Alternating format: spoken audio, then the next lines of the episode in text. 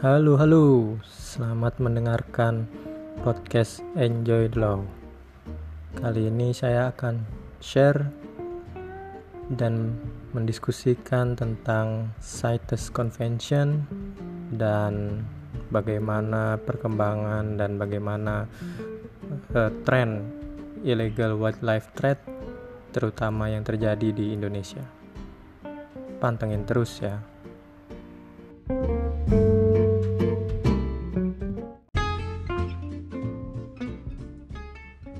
Selamat bergabung di podcast Enjoy the Law. Belajar hukum dengan santai dan menyenangkan. Silakan share favorites dan ajak teman-teman untuk mendengarkan podcast ini. Terima kasih.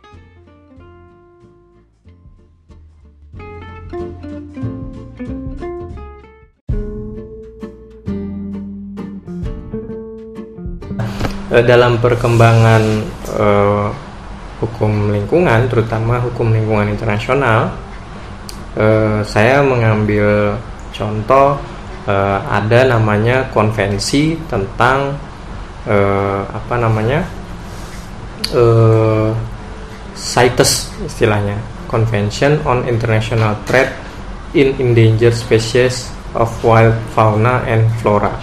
Jadi ini dia mengatur tentang bagaimana uh, perdagangan uh, dan terutama itu perlindungan uh, apa uh, fauna dan flora flora dan fauna itu. Terutama dia yang kategorinya sudah endangered uh, spesies dia sudah uh, terancam punah gitu nah uh, ini konvensi uh, atau perjanjian internasional yang cukup tua ya di uh, di ditandatangani di Amerika uh, pada tahun 73 uh, kemudian direvisi pernah dua kali direvisi tahun 79 dan tahun 83 gitu. Dan uh, Indonesia itu sudah uh, menyatakan bergabung ke dalam konvensi ini itu sejak tahun eh, 78 gitu. Jadi eh, Indonesia mengesahkannya melalui keputusan presiden itu tahun eh, 78. Nah, eh, yang menarik adalah eh, di dalam pembukaannya bahwa eh, para pihak terutama negara pihak ya. Karena Indonesia sudah menyatakan bergabung dalam konvensi itu e, itu satu dia menyatakan bahwa e, baik flora dan fauna dia harus tetap e, hidup dia harus tetap e, tinggal di di ekosistem alaminya ya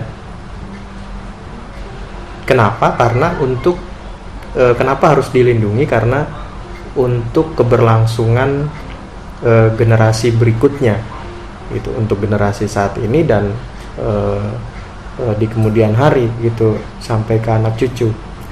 Nah, kemudian e,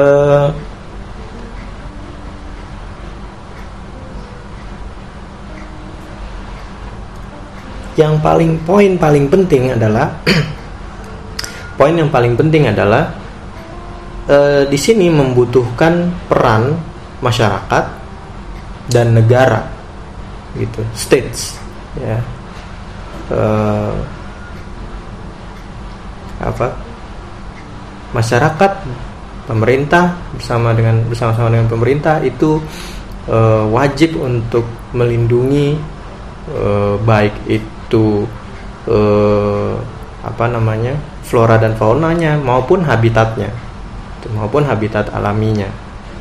Nah persoalannya sekarang kita bisa lihat nih eh, saat ini eh, muncul banyak sekali masyarakat di Indonesia yang yang tidak apa namanya tidak segan-segan atau tidak eh, apa namanya tidak tanggung-tanggung. Dia e, me, memposting mengupload bahkan men-share uh, hewan-hewan tumbuhan-tumbuhan yang dimilikinya yang kemungkinan itu uh, masuk dalam kategori endanger ya. Uh, terancam punah bisa juga dia termasuk dalam kategori dilindungi gitu ya. Kita bisa lihat beberapa uh, apa uh, public figure ya uh, dia memposting uh, di media sosialnya. Misalnya ada yang dia memposting uh, dia punya uh, apa? Punya bayi kera kemudian dulu pernah heboh ya uh, ketika uh, salah satu aktris di Indonesia kemudian uh, menjadi cover di sebuah majalah dan uh, dia berfoto bersama uh, orang hutan gitu. Nah, pertanyaan sederhananya, apakah uh, satwa satwa liar, satwa dan tumbuhan liar itu terutama yang dia sudah terancam punah boleh e, dimiliki atau enggak sih sebenarnya?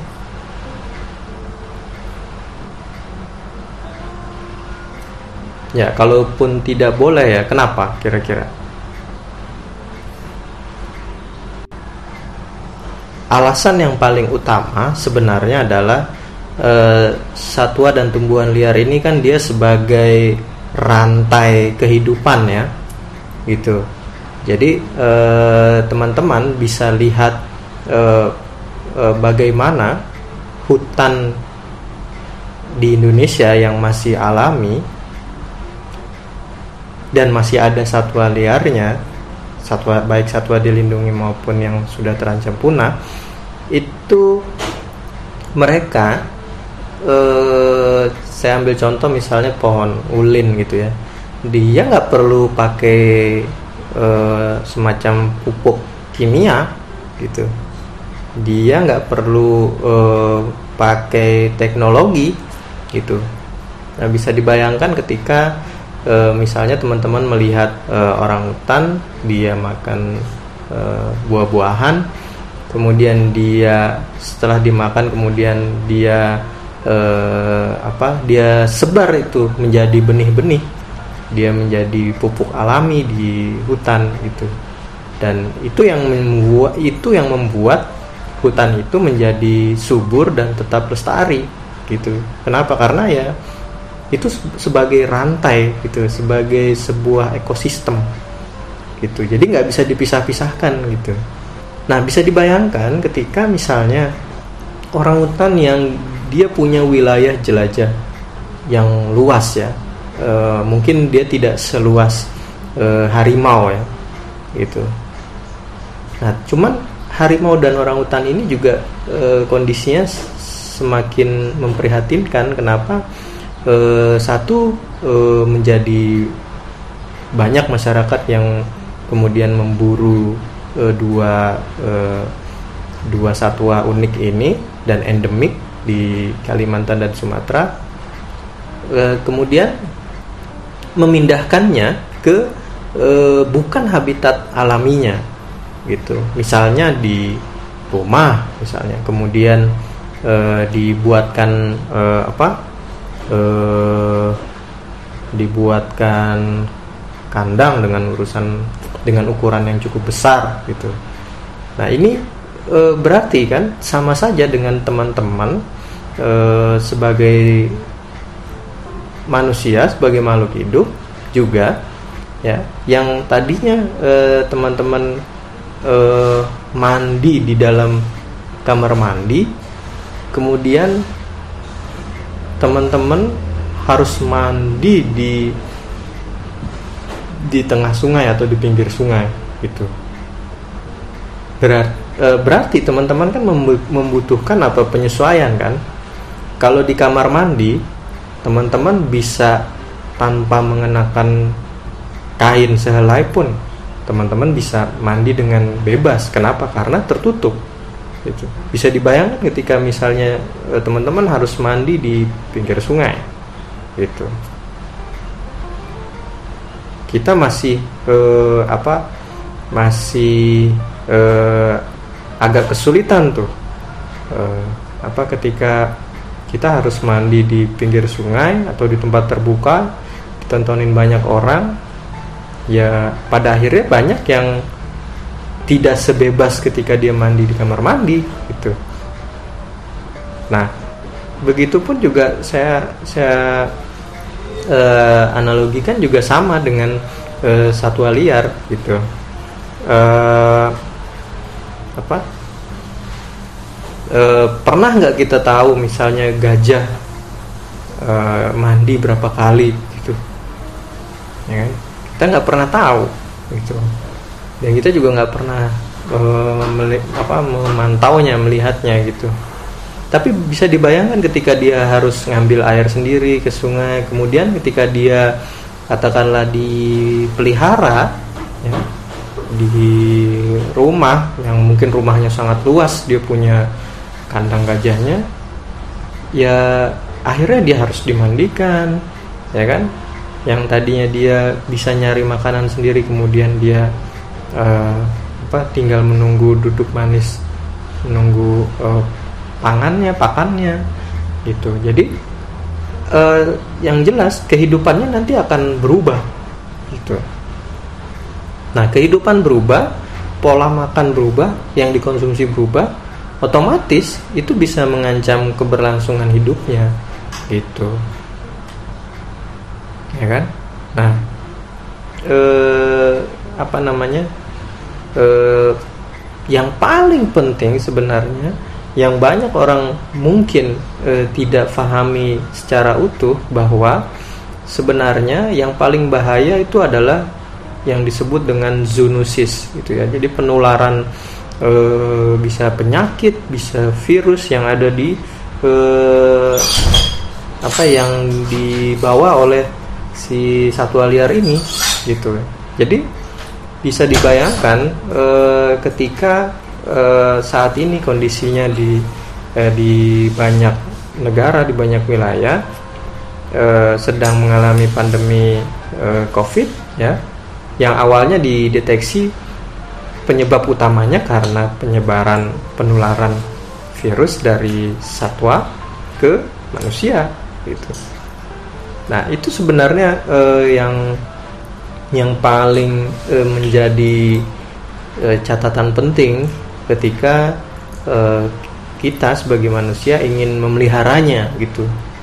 Nah, paham nggak e, kita bahwa bisa jadi dia membawa virus, membawa penyakit. Gitu. Makanya misalnya di tempat-tempat wisata, taman nasional misalnya, dia ada jarak teraman gitu jadi eh, satu meter aja itu nggak cukup gitu untuk apa namanya untuk mencegah penularan virus itu atau penyakit itu gitu. Makanya penerapan distancing ini eh, penjarakan ya baik itu physical distancing maupun social distancing itu juga salah satunya mengadopsi dari bagaimana kita harus berjarak sebenarnya dengan e, satwa itu. Jarak teraman itu lebih dari satu meter gitu. Bahkan ada yang e, membuat penilaian e, jarak teramannya lebih dari 2 sampai 5 meter gitu. Jadi nggak bisa itu yang kita e, foto bareng kemudian e, pipi kita nempel dengan pipi orang utan gitu. Nah itu bisa sangat rentan untuk e, tertular e, virus atau penyakit yang yang kita nggak tahu uh, dia uh, apa namanya apakah dalam kondisi yang tidak membawa virus atau dia justru membawa virus gitu. Nah, apa penyebab utamanya uh, ketika misalnya wabah atau penularan penyakit virus dari uh, satwa ke manusia? Salah satunya karena ekosistemnya itu sudah banyak eh, apa sudah banyak rusak sudah banyak berkurangnya gitu. Selain konflik satwa dengan manusia yang tinggi ya bisa dibayangkan eh, banyak berita eh, beberapa tahun terakhir eh, eh, orang utan kemudian dia uh, masuk ke perkampungan masuk ke kebun kemudian harimau dia masuk ke perkampungan dia masuk ke kebun. Nah itu uh, apa namanya salah satunya karena ekosistemnya sudah terancam itu karena wilayah jelajahnya yang luas yang kemudian dia biasanya ber ber apa mencari uh, pakan mencari makanan secara luas tiba-tiba hutannya habis masuk ke perkampungan masuk ke perumahan gitu. Nah uh, ada yang menarik ya ada ada fakta yang menarik. Uh, uh, ternyata harimau itu dia uh, ketika dia uh, menyerang uh, manusia uh, harimau itu dia sudah dalam posisi yang dendam sebenarnya. Gitu. Jadi dia sudah tahu dia sudah mengintai uh, ini orang yang diserangnya itu adalah yang mengancam uh, keberlangsungan hidupnya. Tuh jadi dia punya insting itu. Gitu. Jadi dia menyerang uh, manusia itu itu bukan tanpa sebab gitu. Sebenarnya satwa liar itu dia tidak satwa liar dia tidak e, menyerang manusia gitu. Bahkan ketika ada ada manusia ada aktivitas manusia justru e, satwa liar itu dia akan menghindarinya gitu. Nah ketika dia menyerang e, salah satunya harimau ya e, itu dia posisinya sudah sudah mengintai gitu. Jadi dia sudah tahu ini orang yang mengancam keberlangsungan hidupnya. Dia yang merusak ekosistemnya. Makanya dia diserang gitu. Itu uh, uh, ada penelitian menarik tuh yang mengatakan uh, seperti itu begitu jadi bukan tanpa sebab gitu kan? Ya bisa dibayangkan lah. Itu sebenarnya secara natural juga dimiliki oleh uh, manusia ya. Bedanya bedanya manusia dengan satwa kalau satwa dia punya insting kalau manusia dia punya intuisi gitu. Intuisi ya. Jadi uh, apa namanya Eh, yang membedakannya itu. Nah kan satwa dia nggak diberi akal toh gitu. Jadi dia menggunakan insting dia menggunakan indera penciuman gitu. Bahkan satwa dia bisa membedakan gitu. Dia bisa tahu mana makanan yang tidak bisa dimakan sama dia ya yang bisa mengancam hidupnya dengan yang itu bisa dimakan sama dia gitu. Jadi teman-teman kalau misalnya berada di hutan gitu ya tinggal dilihat aja. Ketika ada e, buah-buahan kalau misalnya kera atau monyet itu nggak makan buah itu berarti itu juga tidak bisa dimakan oleh manusia gitu. Nah satwa punya kelebihan itu kita punya kelebihan di akal gitu ya kan? Tapi sering nggak nggak dijalankan akalnya itu sama manusia gitu. Udah main makan aja semuanya tuh. Habis itu dia uh, sakit dia masuk rumah sakit masuk IGD gitu. Itu yang membedakan tuh antara uh, manusia dengan uh, satwa tuh nah uh, tapi uh, dia bisa tahu gitu loh. Dia bisa tahu bahwa oh, uh, manusia ini atau uh, uh, makhluk hidup lainnya yang ada di hadapannya dia mengancam keberadaannya dia atau tidak sebenarnya dia tahu. Gitu dia bisa punya insting itu. Gitu. Beda dengan manusia kan? Manusia tuh nggak tahu tuh kalau ternyata dia di PHP-in misalnya dengan uh, manusia lainnya dikibulin ya. Kan nggak tahu wah kita harus uh, positive thinking aja gitu ternyata dikibulin gitu nah uh, satwa liar itu selangkah di depan kita gitu bahwa dia bisa tahu gitu dia bisa tahu kalau dia mengancam keberadaannya. Nah, eh, apa namanya? Bahkan eh, saya dulu eh, apa eh, beberapa kali ke eh, trekking di Gunung Lawu ya. Jadi Gunung Lawu itu dia di apa di dua provinsi Eh, Jawa Tengah dan Jawa Timur gitu dikelilingi oleh beberapa kabupaten. Nah ketika uh, uh, ketika cuaca buruk ya jadi di Lawu itu ada uh, satwa endemiknya uh, namanya burung jalak Lawu gitu ya jalak lau gitu. Nah itu dia endemik di di Gunung Lau. Nah ketika cuaca buruk itu kabut jarak pandang itu cuman sekitar satu meter aja jarak pandangnya ya. Dia benar-benar kabut tebal. Kemudian di depan saya itu ada jalak lau yang dia menuntun saya menuntun uh, saya trekking ke ke ke apa ke pijakan yang tidak membahayakan saya gitu. Dia tuntun saya itu. Sampai ke uh, apa ke pos kita buat uh, mendirikan tenda gitu. Mendirikan camp. Lah bisa dibayangkan loh uh, uh, apa uh, insting itu yang nggak dimiliki sama manusia kan. Dia bisa tahu tuh uh, dia nuntun. Jadi benar-benar di depan saya itu. Dia tidak merasa terganggu sama sekali gitu. Dia menuntun. Menuntun kita untuk uh, apa namanya untuk sampai ke uh, pos uh, apa pos pendakian gitu. Ketika cuaca buruk.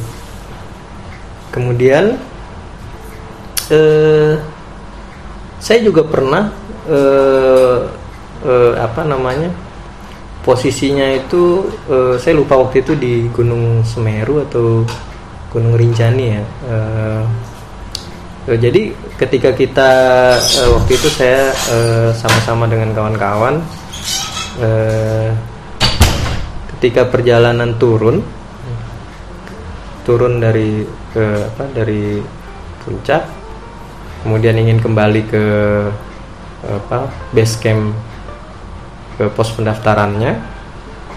Tiba-tiba kita dihadang e, dua atau tiga e, anjing hutan gitu. Nah e, itu jaraknya kita digonggong itu udah jarak berapa puluh meter gitu.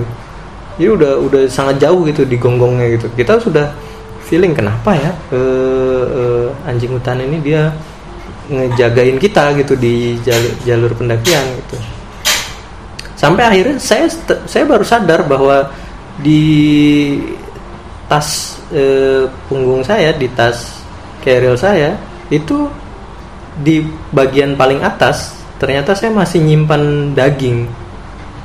Gitu. Iya daging gitu. Ya mau nggak mau akhirnya supaya kita bisa lewat saya keluarkan daging itu padahal itu maksud maksud saya saya simpan itu daging itu buat perbekalan selama perjalanan turun gitu. Dan saya harus ikhlaskan itu kasih ke anjing hutan itu supaya kita bisa lewat gitu. Padahal perjalanan masih 3 4 jam lagi gitu. Tiga empat jam lagi turun tuh. Kan lumayan. Kita waktu itu baru jalan sekitar tiga jam kemudian masih ada tiga empat jam lagi untuk turun gitu dengan beban yang berat gitu kan kita harus bawa. Harus ikhlaskan tuh. Ya udah tinggal uh, apa makanan ringan aja tinggal cemilan aja gitu. Nah uh, apa kita sebagai manusia bisa nggak menakar gitu dalam jarak berapa uh, puluh berapa ratus meter gitu ya? Misalnya uh, kita nggak kita nggak kayak satwa apalagi nggak kayak satwa liar yang punya indera penciuman yang sangat tajam itu nah kita bisa nyium kita bisa ngendusnya kan paling dari jarak satu meter ya kan? Itu wah bau daging nih gitu kan? Coba kalau jarak beratus meter kan kita nggak tahu ya. Tapi itu yang dimiliki oleh e, satwa. Nah e, yang kedua saya ambil contoh nih teman-teman perhatikan nggak pohon-pohon yang ada di tengah kota tengah jalan raya gitu ya? Yang pohon-pohon besar di pinggir jalan raya di tengah jalan raya bisa dilihat nggak batangnya itu? Bisa dibayangkan loh kalau di tengah jalan raya kemudian di tengah e, jalanan yang sangat padat gitu ya banyak kendaraan itu banyak sekali pohon-pohon itu yang batang itu warnanya hitam itu nah itu kan dia sebenarnya sudah sudah tidak cukup mampu menahan beban eh, polusi ya. Gitu. sedangkan teman-teman bisa lihat kalau teman-teman ke hutan ya jarang ngelihat yang batangnya hitam gitu. Ya kecuali kalau dia udah bekas terbakar ya kemarin gitu waktu kebakaran hutan. Dia pasti hitam gitu. Tapi kalau dia tidak terbakar di habitat alaminya lihat tuh batang tuh. Batang pohon pohon ulin misalnya sebegitu besarnya. Dia punya warna yang khas ya kan? Bahkan ketika dia dijadikan eh, apa? Bahan untuk eh, apa? Untuk kebutuhan rumah tangga aja. Dia punya warna yang unik dan khas kan? Gitu. Jadi eh, kita bisa lihat gitu bahwa oh ternyata kalau yang di jalan raya dia sudah menampung eh, beban yang cukup banyak sehingga dia warnanya hitam. Nah uh, untuk misalnya ya jadi banyak uh, ternyata public figure juga yang uh, memiliki alasan bahwa uh, dia memelihara uh, uh, kera dia memelihara orang hutan dia memelihara uh, harimau dia sudah memiliki atau mengantongi izin gitu ya. Nah sebenarnya izin itu juga tidak mudah gitu ya. Maksudnya tidak semudah yang dia ucapkan itu ada prosedur yang sangat panjang yang harus dia lalui gitu. Misalnya eh, ada perhitungannya ketika misalnya di habitat alaminya itu sudah tinggal berapa eh, apa namanya berapa ekor saja atau orang hutan tinggal berapa individu saja itu dia nggak bisa dengan mudah untuk memeliharanya dan de dengan mudah ia dapatkan izinnya gitu. Jadi itu masih menjadi uh, tantangan ya dari dalam uh, apa namanya uh, perlindungan ekosistem dan habitat uh, satwa dan tumbuhan liar itu nah bagaimana ketika terjadi perdagangan secara ilegal gitu? Nah ini yang menarik. Uh, Indonesia itu masih didaulat sebagai negara uh, dengan pengiriman uh, apa terenggiling ya tahu nggak terenggiling Tuh. ya dia dia di hutan itu sebenarnya uh, uh, di beberapa hutan terutama di Kalimantan itu kondisinya sudah eh, apa namanya sudah sangat memprihatinkan, sudah sangat kritis. Itu kenapa? Karena banyak diburu gitu. Nah, dia ternyata banyak diekspor secara ilegal ya ke beberapa negara, ke wilayah ke beberapa wilayah negara yang ternyata di negara-negara itu dia masih memegang e, mitos gitu ya. Mitos bahwa e, apa terenggiling itu dia e, memiliki khasiat itu dia bisa mengobati penyakit dia bisa e, menjadi bahan baku obat-obatan dan lain-lain gitu nah karena mitos itu terus dipelihara dijaga bahkan terus direproduksi sehingga permintaan e, terenggiling itu jadi cukup tinggi gitu. Makanya terenggiling itu didaulat menjadi hewan yang paling sering didagangkan di dunia. Itu bahkan secara ilegal. Nah praktek yang terjadi di Kalimantan terutama ini praktek yang terjadi. Biasanya terenggiling itu dia dimasukkan ke dalam tubuh ular. Gitu. Jadi kalau di, di, di pos pemeriksaan misalnya yang terlihat itu hanya tubuh ularnya aja itu padahal beberapa kasus di dalamnya itu ada e, banyak sekali terenggiling gitu. Satu terenggiling. Dua teman-teman kalau lihat burung enggang ya atau tingang gitu. Nah itu paling sering juga diburu dan didagangkan secara ilegal. Bayangkan yang diambil dari eh, apa namanya dari burung itu adalah kepalanya ya kan? Nah kalau itu diambil dia memang masih bisa hidup tapi cepat atau lambat dia akan meninggal dia akan mati itu kenapa? Karena ya itu salah satu eh, apa namanya salah satu eh, yang membantu dia untuk mengambil saripati mengambil makanan dan lain-lain gitu. Nah bisa dibayangkan itu didagangkan ternyata e, dikirim balik ke Indonesia itu menjadi sebuah souvenir gitu. Kepala enggang itu di, diisi souvenir dan harganya bisa fantastis gitu nah belum lagi misalnya kalau teman-teman yang e, perempuan ya misalnya e, menggunakan apa tas atau e, ikat pinggang yang dia berbahan dasar dari kulit satwa liar gitu. Nah, teman-teman harus pahami dari sekarang teman-teman harus punya pemikiran bahwa gini ketika kadang eh, eh, kadang-kadang kan banyak ditemukan laki-laki yang menga, mem, apa, mengalungi eh, taring harimau ya gitu. Atau kuku macan gitu. Nah teman-teman harus paham bahwa satu taring harimau yang diperdagangkan berarti itu adalah satu ekor harimau yang mati gitu jadi kalau ada satu e, misalnya e, katakanlah teman-teman punya kerabat teman atau saudara yang dia punya e, taring harimau gitu ya katanya itu simbol keperkasaan gitu ya.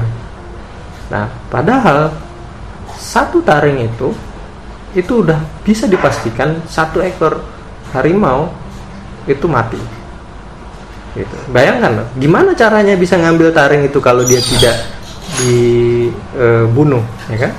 Tidak diburu kemudian dibunuh. Satu ekor eh satu taring harimau itu sama dengan satu ekor harimau.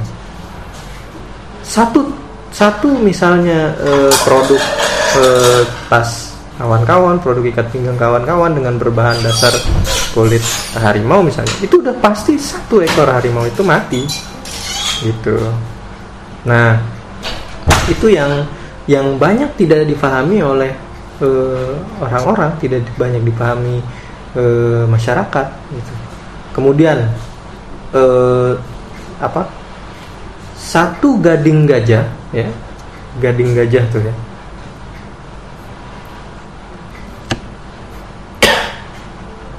Satu gading gajah itu udah pasti satu ekor gajah itu mati.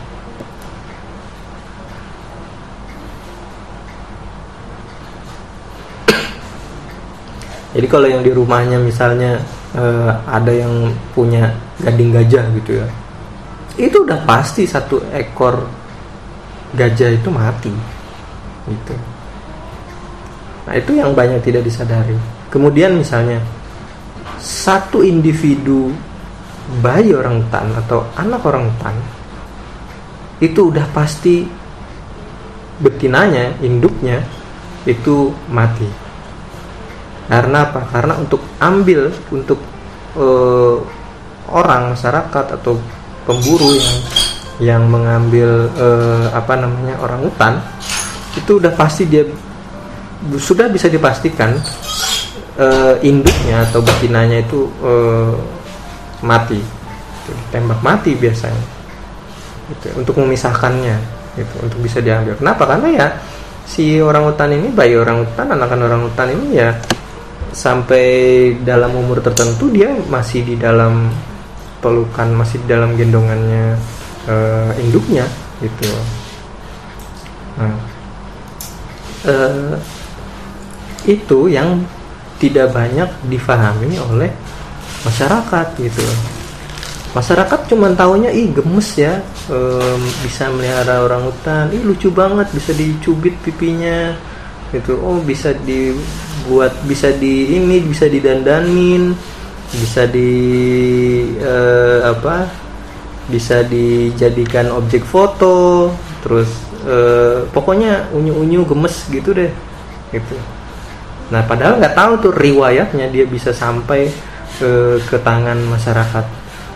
Nah, soal harga juga ini yang menarik gitu. Ketika dia misalnya dia pindah dari satu wilayah kemudian eh, dibeli, itu biasanya harganya masih murah gitu. Katakanlah dari wilayah satu wilayah ke Kalimantan ke wilayah lain dia masih murah. Tapi dia harganya bisa berlipat naik berlipat-lipat harganya ketika dia sudah sampai di Jakarta gitu.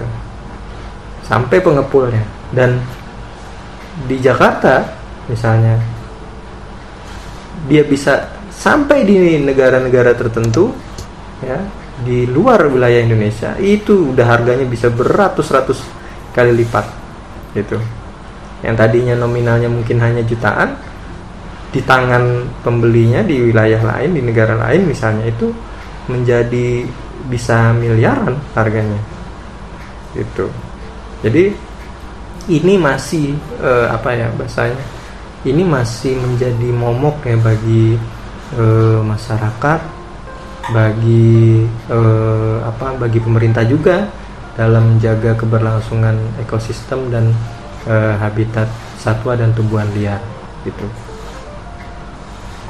Ada pertanyaan?